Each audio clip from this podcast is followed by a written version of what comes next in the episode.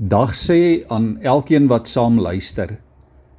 Die Here ken ons as mense se harte en gedagtes baie goed. In Matteus 15 sien ons hoe dat die Here mense aanspreek oor die slegte gedagtes in hulle harte. 'n Mens kry eintlik skaam as jy daaraan dink dat die Here net sowel met elkeen van ons dalk daaroor kon praat. Want so dikwels en so maklik loop ons ook rond met gedagtes van veroordeling. Partykeer is daar opstandigheid in ons gemoed, negativiteit, spot, verwensing, ja selfs soms 'n bietjie haat. En nog 'n hele klomp ander goed wat ons so maklik en so dikwels in ons harte saamdra en wat in ons gemoedere rondmaal. Matteus 15 vers 19 vul hierdie lysie aan waar Jesus sê Uit die hart kom slegte gedagtes: moord, oorspel, onkuisheid, diefstal, vals getuienis, kwaadpraatery.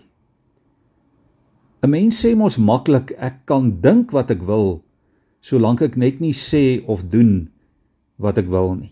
Maar die ding, liewe vriende, is as 'n mens eers iets dink, dan beïnvloed dit jou gesindheid en dit is baie gou in woorde en kort voorlank dan word dit dalk ook dade. Ja, die Here ken ons gedagtes. Ons kan dalk dink ons steek dit weg, miskien steek ons dit vir mekaar weg, maar vir die Here kan ons dit nie wegsteek nie.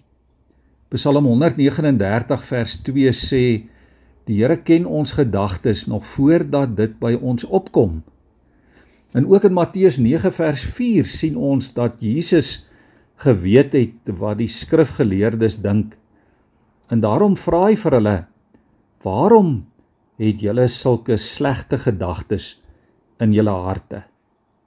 Dis vir my nogal interessant dat die Here praat van slegte gedagtes wat in hulle harte is. 'n Mens sou wou dink die gedagtes is in jou kop. Maar Jesus wys Die hart is eintlik die plek waar alles begin. Goeie voornemens begin in jou hart. Vernuwing begin in jou hart, drome, verlangens, liefde, dit begin alles in jou hart. Ook die wil om te vergewe. Dit begin as 'n gedagte, 'n besluit, 'n voorneme in jou hart. Maar so ook elke sonde, elke verkeerde begeerte, elke negatiewe emosie Ja, wat die hart van vol is, loop die mond van oor, sê die Bybel ook. En daarom moet ons ons harte en ons gedagtes bewaak en dit bewaar. En as ek hoor Jesus vra hierdie vraag dan dan weet ek dis tyd om om my eie ou gedagtes uit te vee om my hart met nuwe gedagtes soort van te herprogrammeer. En daarom sê Paulus ook daar in Efesiërs 4 vers 23 julle hart en julle gedagtes moet nuut word. Moenie dink oor die dinge van hierdie aarde nie, dink oor die dinge van God en dink op 'n goddelike manier. Die Bybel gee 'n moontlike 3-punt plan vir so 'n vernuwing. Daar in Romeine 12 vers 2 sê die woord: "Laat God julle verander deur julle denke te vernuwe. In 2 Korintiërs 10 vers 5 neem elke gedagte gevange en maak dit aan Christus gehoorsaam. In Kolossense 3 vers 2 lees ons rig julle gedagtes op die dinge wat daarbo is. Kom ons buig ons hoofde voor die Here.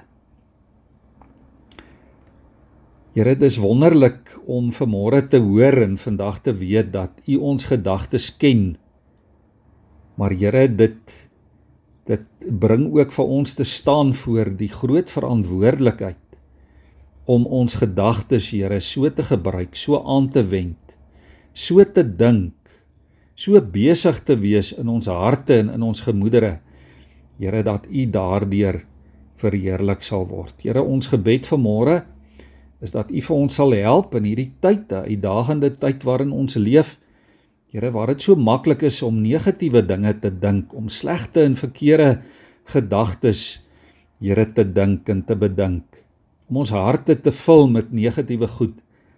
Here is ons gebed vanmôre dat U vir ons regtig sal help deur U Gees en deur U woord om goeie dinge, mooi dinge, dit wat opbouend is, dit wat goed is, dit wat liefdevol is, dit wat U beeld ook uitdra, Here, om dit te bedink en dit te doen.